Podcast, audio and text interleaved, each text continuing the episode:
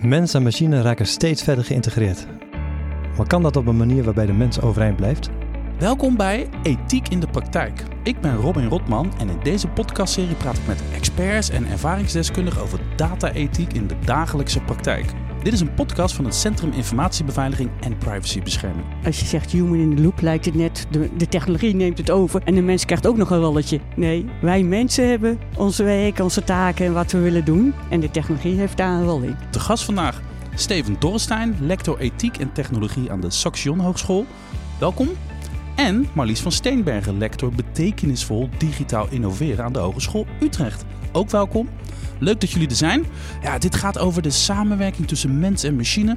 En dit appelleert bij mij in ieder geval een beetje aan dat hele sentiment van de machines en de robots nemen de boel over. Weet je, we zijn allemaal een beetje bang natuurlijk. Maar Steven, even, even is jij. Wanneer heb jij eigenlijk voor het laatst samengewerkt met een machine? Even denken. Nou, vanochtend, elke ochtend zet ik koffie en doe ik op een hele ouderwetse manier. Ik hoef niet zoveel, dus ik maal bonen en dan schenk ik het op op een filter. Ah. Dat is volgens mij een eh, manier van samenwerken die heel, eh, waar de mensen heel erg in overeind blijft. Dat je echt ding, iets doet samen met je spullen om je En heen. dat plankje wat we allemaal in onze zak hebben, ook wel de telefoon genoemd. Ja, met mijn telefoon soort- daar werk ik goed mee samen. Maar vandaag eh, hier op de heenweg naar waar wij nu zitten ben ik me verloren in de trein. Dus ik ben ook onthand. De telefoon heeft je verlaten. Ja, Ach, nou. Oké, Ja, maar de- dat samenwerken ja. tussen mensen en machine, dat zit dus constant in het dagelijks. Dat is dus overal. Dat doen we eigenlijk allemaal de hele tijd. Hè? Dat vergeten we wel eens, maar dat is wat we doen. Zeker. Marlies, lector betekenisvol digitaal innoveren. Beetje een flauwe vraag misschien, maar toch. Kan je ook niet betekenisvol digitaal innoveren? Nou, ik ben bang dat het misschien nog wel vaker gebeurt dan je zou denken. Oh ja, ja. Ja, eh, wat wij be- bedoelen met betekenisvol is dat je digitale innovaties toepast die eh, betekenis geven, waarde leveren aan. Eh, eigenlijk aan iedereen proberen, maar in ieder geval niet alleen aan de ontwerper van de digitale toepassing. En niet alleen omdat zo'n toepassing leuk is, maar vooral ook de gebruikers, maar bijvoorbeeld ook de niet-gebruikers. En ook van wat doet zo'n toepassing, zo'n machine met de maatschappij in zijn algemeenheid. Dus het gaat de impact, de positieve impact die je Dus dat kunt gaat een beetje jullie op, op, op, op, op, jullie uni, op, op, op school, op de universiteit of op de hogeschool. Jullie gaan met de studenten uh, technologieën onderzoeken, bestuderen en echt kijken wat voor zin brengt dat spul nou eigenlijk? Wat, wat zijn we nou werkelijk aan het doen? In plaats van dat het ons allemaal maar overkomt en dat we als een kip zonder kop de technologie maar omarmen. Is dat een beetje. Ja, exact. exact. En ook wat, wat, wat betekent het voor mensen? Voor hun, hun, hun waarde, hun autonomie, hun Mhm. vertrouwen, reputatie. Dus, Dus- daar kijken we heel expliciet naar. Dus dat sentiment wat ik net een beetje omschreef. Hè? Ze, de robots, de machines nemen de boel over. Je hoort het ook vaak in combinatie met nanotechnologie. De, de, de, de, kleine beestjes, de kleine robotjes, die nemen de boel over. En we zijn gewoon gedoemd om ten onder te gaan. En dan komt er nieuw, nou, bla bla bla. Is dat ook een beetje waar jullie, is dat een beetje het sentiment wat jullie ook bekijken? Wat zijn we nou eigenlijk aan het doen? Wat willen we nou eigenlijk? Ja, maar niet vanuit het doemdenken. Mhm. Eh, maar van hoe kun je nou zorgen dat je de, de positieve dingen bereikt en die negatieve dingen, ja, dat, dat die niet gebeuren. Dus, we, dus ja, Jij hebt die vraag nu even opgeworpen, Steven. Dat had volgens mij net zo goed andersom kunnen zijn. Maar wat bedoel jij dan mee? Dat de, de, dat de mens overeind blijft? Wat is dat eigenlijk, dat overeind blijven? Ja, sluit direct op, eh, aan op wat Marlies zei. Dus wij, eh, ja, ik denk dat, het, dat we niet kunnen ontkennen dat we ontzettend verweven zijn geraakt met de spullen die we gebruiken. En dat is ook al heel lang zo. Je kunt je een mens niet voorstellen zonder, eh, ook een primitieve mens kun je niet voorstellen zonder de primitieve spullen die de mensen toen gebruikten. Toen we een stukje steen op een stukje hout knoopten en, een- en, en een hamer creëerden, dat was al technologie. Dat was het eigenlijk ook. Bijl, de eerste kleding, de uitvinding van het vuur. Dat zijn allemaal heel een primitieve technologie, maar wij kunnen niet zonder mens. eh, Je kan je niet een manier van leven als de mens, of het bestaan van de, het wezen de mens voorstellen zonder dat soort technologie erbij. Mhm. Dus we zijn er helemaal van afhankelijk. Dat is dus zo, maar dat heeft dus voordelen en nadelen. En die nadelen zijn ook enorm. En daar zijn we ons eh, vaak veel minder van bewust. Behalve dan? In de, ja, dat is echt iets van de 20e eeuw, dat, ons, dat we ook dat, eh, dat, dat schrikbeeld van de technologie die ons nu, uh, nu we eenmaal zover zijn, helemaal overneemt. Dat, dat is erbij gekomen. Maar wat, wat is dat dan, dat we niet overeind blijven, dat het overgenomen... Kijk, het wordt vaak bij mij, in mijn optiek vaak in zo'n context gebracht van science fiction. Ja. Zunde Terminators, die, nemen, die worden sterker dan wij, handiger dan wij, slimmer dan wij. En nou, dat idee zou gewoon zijn, er is nu zoveel technologie om ons heen. Dus wij zijn niet meer in staat om dat om goed te bepalen waar we dat voor gebruiken of daar richting aan te geven. Dus dat is een systeem geworden dat ons overheerst. Dat is de angst. Het, het maar gaat met ons aan de haal. De technologie gaat met ons aan de haal als we niet uitkijken. Maar wat jij dan een beetje uh, beanalyseert met je studenten, mhm. is misschien op, op, op technologieniveau, mhm. op per, per stukje technologie misschien. Maar waar het hier ook een mhm. beetje over gaat, misschien wel, wat vinden we als samenleving eigenlijk? Dus wat misschien wat groot is dat ook waar jullie naar kijken? Uh, dat ook, ja. ja. En het speelt dus op al die niveaus. En afhankelijk van wie je bent en, en waar je begeeft, kun je dus op al die niveaus ook uh, invloed hebben. Oké, en je zou op al die niveaus ook kunt, die ja, vragen moeten blijven en, stellen. En, en, als je het over het grote verhaal hebt, hè, de maatschappij en wat doen we met z'n allen, dan kun je nou natuurlijk makkelijk een gevoel van hulpeloosheid krijgen. Van ja, wie kan ik nou in mijn eentje, wat kan ik de samenleving beïnvloeden? Maar dat kan natuurlijk ook, alleen dat moeten we als maatschappij doen. Oké, dus je zou eigenlijk op een soort politieker niveau, beleidsniveau, een soort visie moeten ontwikkelen. Wat voor rol zien we en wat, hoe willen we dat de wereld eruit ziet? Je zou op je persoonlijke niveau kunnen kijken van. Oeh, ik, ik, ik merk ineens wat een junkie ik eigenlijk ben van die telefoon. Als je even een kwartiertje niet in mijn zak zit, omdat ik hem even mee kwijt ga, dan denk je, oh, ja. wauw. Waar, wij het, uh, ja. waar we nu over gaan hebben, dan denk ik toch het eerst aan dat persoonlijke niveau. Mhm. Van in hoeverre zijn we afhankelijk van technologie? En als we niet overheerst willen worden, eh, worden, willen raken door al die technologie om ons heen, betekent dat dan dat we een soort. Uh, dat we helemaal vrij moeten zijn tegenover de technologie. Nou, dat kan niet. Dus dan moeten we iets anders. We moeten een, een derde weg, een andere uitweg moeten we zien te vinden. En die zit er een beetje in, maar dat zijn we dan gaan we met elkaar onderzoeken. Mhm. En dat is echt iets van deze tijd. Ja, we, hoe kun je accepteren dat je dat wij het resultaat zijn van een hele geschiedenis van, van, van evolutie met technologie. En dan toch daar een eigen weg in vinden waarbij je kunt zeggen: uh, het resultaat is echt menselijk. Dat is wat een goede manier van uh, menselijk leven is. Oké, ik, ik, ik, dit, is mooi. Hier wil ik zo meteen voorbeelden over horen. Wat zijn nou de voorbeelden waarin het werkt? Dat we echt denken, oh, hier versterkt het ons. Hier worden we beter en handiger als mens. En misschien ook voorbeelden dat je zegt, oh ja, maar dit zijn voorbeelden dat het een beetje tricky is. Maar nog één stapje, een klein stapje terug. Uh, Marlies, Steven die omschrijft net de, de evolutie van de technologie. Er zijn volgens mij in de jaren 60, toen echt bekend werd, automatisering, technologie rukt op. Er, er werd altijd ook wel eens een beeld geschetst uh, van, oké, die science fiction verhalen waren er altijd al. Maar ook wel beelden van, de technologie rukt op, ze nemen al het werk uit handen. En wij kunnen als mensen het gaan dansen en zingen en knuffelen met z'n allen. Toch? Dat was toch ook zoiets? Ja, ja, ja, dan, dan neemt het ons over, maar dan blijven we overeind. Als mens, dan gaan we... Of ben ik nou heel naïef? Een hele naïeve, was dat een hele naïeve gedachte? Nou, ik weet niet of het naïef is. Ik denk dat we er zelf bij zijn. Ik denk dat we, als, als we slim zijn, dan gebruiken we de technologie inderdaad voor de, voor de goede dingen. In de zin, die dingen die we graag aan technologie overlaten. Alleen we moeten niet, wat Steven zegt, we moeten niet afhankelijk van worden.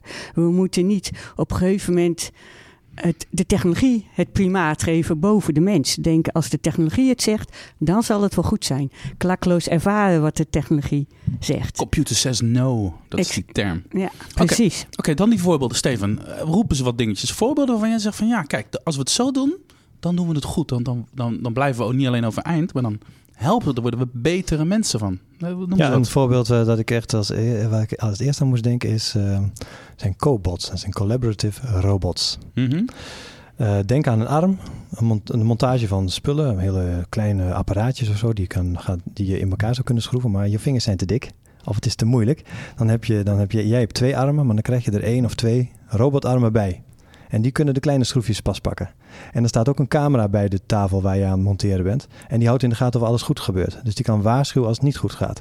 Nou, dat vind ik een hele mooie manier van ja, in de assemblagetechniek, in de productie, van uh, samenwerking tussen een robot, die dus in dit geval een cobot heet, en een mens. Maar deze dus zie je ook al in de operatiekamer van het ziekenhuis. Uh, dat is ook een voorbeeld daarvan. Maar dat kan ik ook heel mooi verbinden met wat je net vroeg. En, en ook een voorbeeld waar het niet goed gaat. Mm dus dat, nou, dat ontleen ik een beetje aan uh, Milan Wolfram, een onderzoeker op Saxion die dat, uh, die dat als onderwerp heeft. En uh, zijn collega's. En die zeggen, ja, zo'n zo'n zo'n cobot, dat zou ontzettend mooi zijn als dat veel wordt toegepast in de productietechniek. Daar, daar kun je op een geavanceerde manier spullen maken. En het blijft ook interessant en waardevol voor de mens. Om Mhm. daar betrokken te zijn in die productie. Maar die cobots worden meestal helemaal niet zo ingezet. De, het, onze manier van denken is toch, we maken robots en die, die, die, die gaan alles doen. Dus we maken een soort, die, nemen, die komen aan een lopende band te staan, waarbij helemaal geen mensen meer staan. Dus we, Dus het die ideaal robot is, we stellen eigenlijk volledig menselijke eisen aan die robot eigenlijk, zoiets? Eh, ja, dat hoort er dan ook een beetje bij. En daar hoort zelfs de droom bij. Stel je voor, eh, robots kunnen alles wat wij kunnen en ze kunnen het nog een stapje beter. Dan zijn wij niet meer nodig. Dus jij maar is dat net- erg? Ja, want jij zei net, dan kunnen wij lekker dansen en zingen. Ja. Wat zei je? Maar dat betekent Muziek denk ik... maken, schilderen, Nou, ik, ik denk eerlijk... knuffelen. Ja, maar het betekent... Nou, dat zou mooi zijn. Maar ik denk, wat nou als ze zeggen, we hebben last van die mensen die daar nog zitten. Ja, oh, die dat- achterblijvers, die moeten weg. Die gaan we elimineren. Wat als de, de, jouw, jouw technologische intelligentie dat gaat besluiten? Ja. Of, een ander voorbeeld uit de film Wall-E bijvoorbeeld, die ken je misschien ook wel. Mm, leuk Da-. Leuk, dat gaat over film. robots, notabene. Maar wat doen de mensen daar? Die zitten dan de hele dag maar tv te kijken en te dansen en te knuffelen op jouw manier. Maar die zijn uitgedijd en uitgedijd. die dik. kunnen niet meer bewegen. Het worden zwijnen, worden dat. Juist. Oké, Dat Marlies. zijn de achterblijvende mensen. Oké, we hebben nu een, een, een, een, voorbeeld van Steven gehoord. Een positief voorbeeld. Die, die, die, die, die kobold in die, in die, in die, in die ziekenhuizen, of, of in die fabrieken en ook wel een beetje in die ziekenhuizen. En, en, en een soort darker side omschreven. Heb jij een voorbeeld, een verhaal dat je denkt van ja, dit is, dit is hoe ik het zie. Dit is een soort illustratie van hoe het zou kunnen en hoe het misschien wel zou moeten. Zin, betekenisvol innoveren. Ehm, nou ja, een voorbeeld ook, ook wel weer in de. Kijk, ik denk goede voorbeelden zijn waarbij eh, algoritmes gebruikt worden om, om echt ingewikkelde dingen te doen. Hè, zoals eh, foto's, röntgenfoto's eh, checken. Dat kunnen algoritmes beter dan, dan mensen. Dan de Dus arts dan misschien. de arts. Ja. Tenminste, op, gedeeltelijk kunnen ze beter. En dan gaat het vooral ook om die samenwerking. Dus de voorbeelden, de positieve voorbeelden zijn echt daar waar het, eh, de technologie een stukje doet. En Steven had daar net eigenlijk ook al even over. En de mensen een stukje. Mhm. En niet waar een van tweeën eh, het overneemt. Dat is al bekend vanuit het begin van de schaakcomputers. Mhm. De, toen de schaakcomputers opkwamen, toen werden de eh, toernooien gehouden. Eh, verschillende soorten toernooien. Dus mensen tegen elkaar, computers tegen elkaar. Mens en computer tegen mensen en computer. En, mens, ja. Ja. en wie denk je die, dat het beste waren? Nou, waarschijnlijk de mensen en de computer als een team. Exact, Ja. natuurlijk. Anders zou ik het niet vertellen. maar dit is wel interessant. ja, ja, dus je ziet die, die samenwerking. En een ander onderzoek wat, eh, wat ze in, eh, in Slovenië gedaan hebben... was naar, bij verkopers die een forecast moesten doen. Dus die moesten voorspellen, moesten een omzet voorspellen voor de, voor de komende maand. Bleek dat ze er zo'n beetje 20% juist konden voorspellen. Dus eigenlijk deden de, de ervaren verkopers het heel slecht.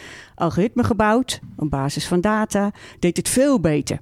Algoritme de als best- autoverkoper. Ja, ja, maar mooi. ja, maar, maar de beste, de beste, dus die deed beter de forecast.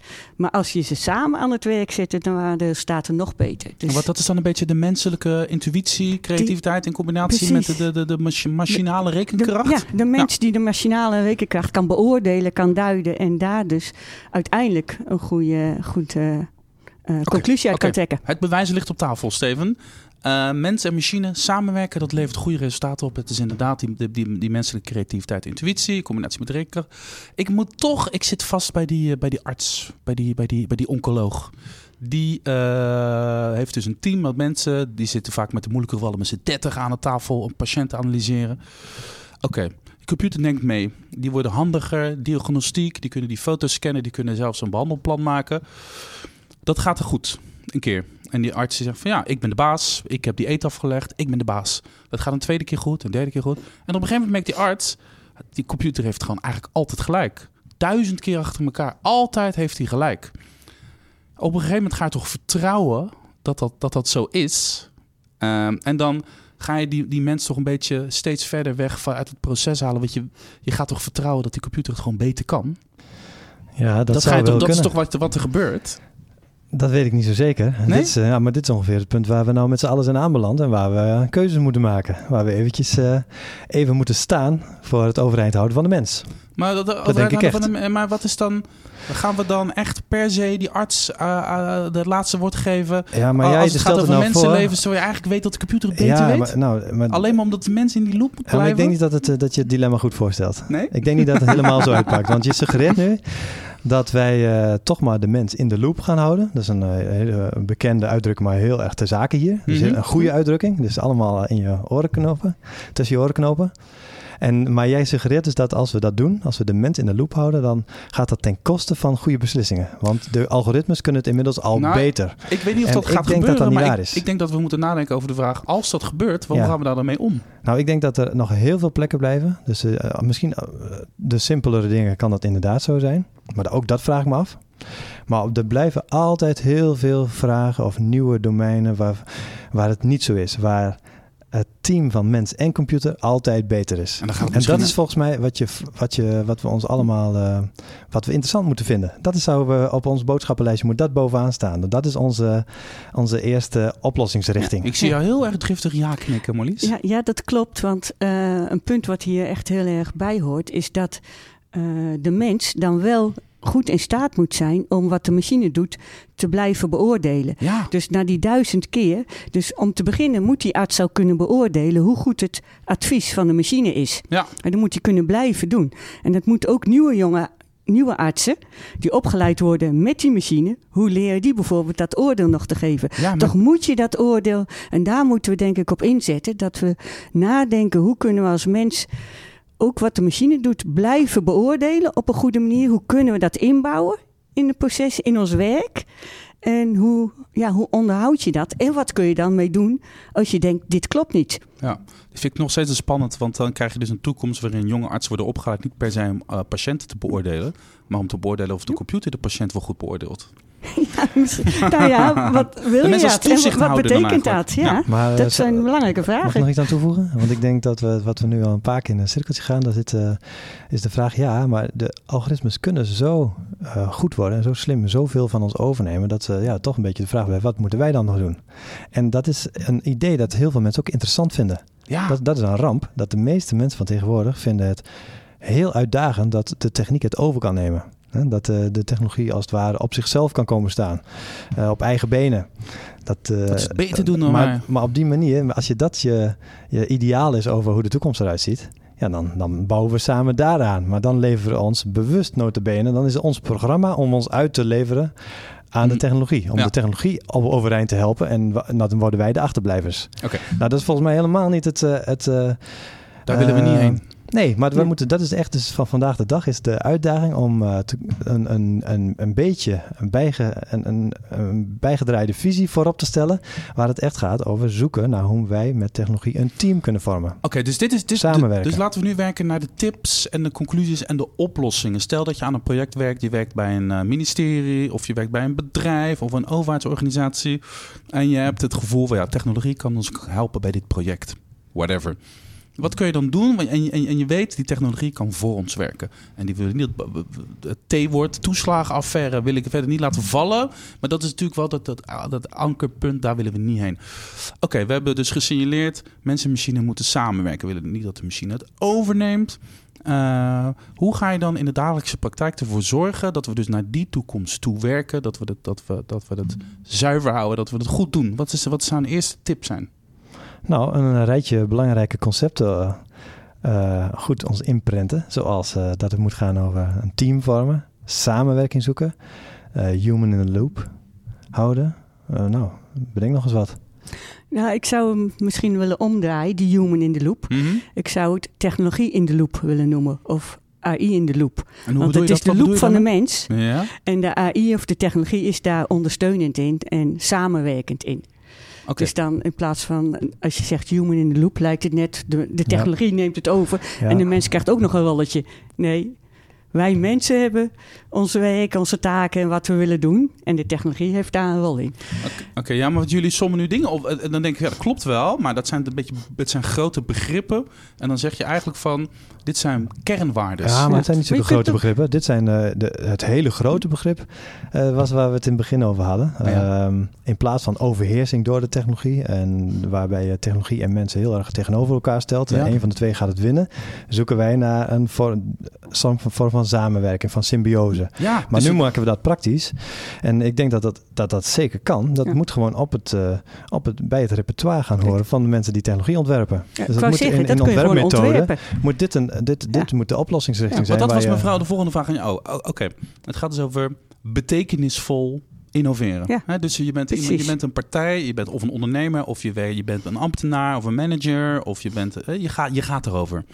Hoe kan je dan in je proces inbouwen dat het betekenisvol wordt? Dus dat je die kernwaarden meeneemt aan de voorkant bij de ontwikkeling van technologie. Wat, wat zou dan een soort stappenplannetje kunnen zijn? Nou, het zijn sowieso aanpakken om dat te doen. Mhm. Uh, dat heet onder andere value sensitive design, waarbij je echt die waarden vanaf het begin naar het eind uh, meeneemt. Maar dingen, je moet uh, bijvoorbeeld denken aan het proces ontwerpen op die samenwerking. -hmm. En niet een technologie ontwerpen en dan gaan implementeren, kijken hoe gaan we het inpassen. Nee, je ontwerpt de samenwerking en daar ontwerp je de technologie bij. Uh, een heel belangrijk punt is, als je een grote rol voor technologie hebt, dat je momenten van reflectie inbouwt. Dus dat je gewoon expliciet maakt, verplicht maakt bijna, dat mensen over bepaalde uitkomsten, zeker als ze grote impact hebben, nadenken, misschien met anderen praten. Dat kun je gewoon in je processen in ontwerpen. Oké, okay, dus je gaat uh, kernwaarden formuleren, zoals Steven het net gedaan. Kern, wat willen we eigenlijk? Dus je gaat de voorkant nadenken, wat willen we? Jij zegt, je kan die kernwaarden vervolgens in je, in je proces inbouwen. Hey Steven, ik, het lijkt mij ook wel interessant als die studenten, die jonge mensen die hier opgeleid worden, van, van jullie... Uh, als zij misschien een soort. Die voelen natuurlijk intuïtief de tijdsgeest aan. Hè? Veel beter dan ik. Ik ben 41. Ik, uh, ik, ik, heb nog, ik heb nog de tijd meegemaakt dat de mobiele telefoons niet bestonden. Jullie zijn nog, nog iets ouder dan ik. Dus wij zijn misschien iets minder handig met het voelen, uh, aanvoelen van de tijdsgeest. Waarom gaat zo'n zo'n jonge, slimme man of vrouw niet op zo'n ministerie zitten en gewoon een soort coach zo'n proces begeleiden? Hoe maken we dit betekenisvol? Is dat niet een soort nieuwe nieuwe, nieuwe beroepsgroep of zo. Absoluut. Maar dat zien we, dat, is, ja, dat hoort ook bij ons werk. Overal zijn we op zoek naar hoe kan je uh, een soort van ethische begeleiding of uh, ja, op een ethiek op een constructieve manier inbouwen in de, in de processen. Dus in de organisaties die hier bij het SIP uh, aangesloten zijn, bij het UWV, maar ook in technische bedrijven. Hoe kan je daar maatschappelijk verantwoord innoveren doen op een manier ja, dat betekent dat, dat uh, mensen met een ethische inslag bij die ontwerpers moeten bezitten in dat bedrijf. Of dat die van buiten komen om te helpen om tijdens het ontwerpproces op een aantal momenten ook de ethische vragen te stellen. Oké, dus, dus je hebt een paar dingen die we kunnen, kunnen doen. Samenvattend, benoem, bedenk eigenlijk wat zijn eigenlijk mijn kernwaarden die ik wil hebben. Ga niet als een kip zonder kop aan de slag. Bouw het in in je proces aan de voorkant al. En neem iemand mee die er eigenlijk veel meer verstand van heeft uh, dan jijzelf. Iemand die die ethische vraagstukken kan fileren, kan afpellen. En die gedurende het proces een vinger aan de pols houdt. En die gewoon moeilijke vragen blijft stellen en blijft in gesprek erover. Zoiets? Zeker. Hebben we nou een soort, hebben we nou een soort mooie pakketje samengesteld waar, hoe je, waar je mee aan de slag kan? Er zijn nog vast een hoop dingen te doen, hè? Testen. Ook testen met specifiek ja. deze vraag. Als je dan uh, moet werken in een nieuwe situatie met, uh, met, met hulp van algoritmes of met een cobot. Hoe ervaar je dat? Is het leuk en waardevol voor de mens? En haal de gebruiker ja. erbij en de mensen die ermee aan de slag moeten. Ja, en blijven monitoren. Ook als je hem een jaar gebruikt. Ja. Oké, okay, volgens mij hebben we een mooie 20 minuutjes nu. We, zijn, we hebben hem aangeraakt. Ik, ik hoop dat het mensen stimuleert en inspireert om blij, te blijven nadenken. Hoe zorgen we dat de mens in de loop blijft? Uh, ik denk dat we heel eind gekomen zijn. Dus Dankjewel Steven Dorrestein en Marlies van Steenbergen. Ja, en je hoort het, dit is hartstikke leuk. We hebben heel veel van dit soort podcasts, allemaal andere thema's, technologie, de ethische kwesties. Luister die podcast en dat kan op sip-overheid.nl slash uitgelicht of je favoriete podcast app. Jongens, dank jullie wel.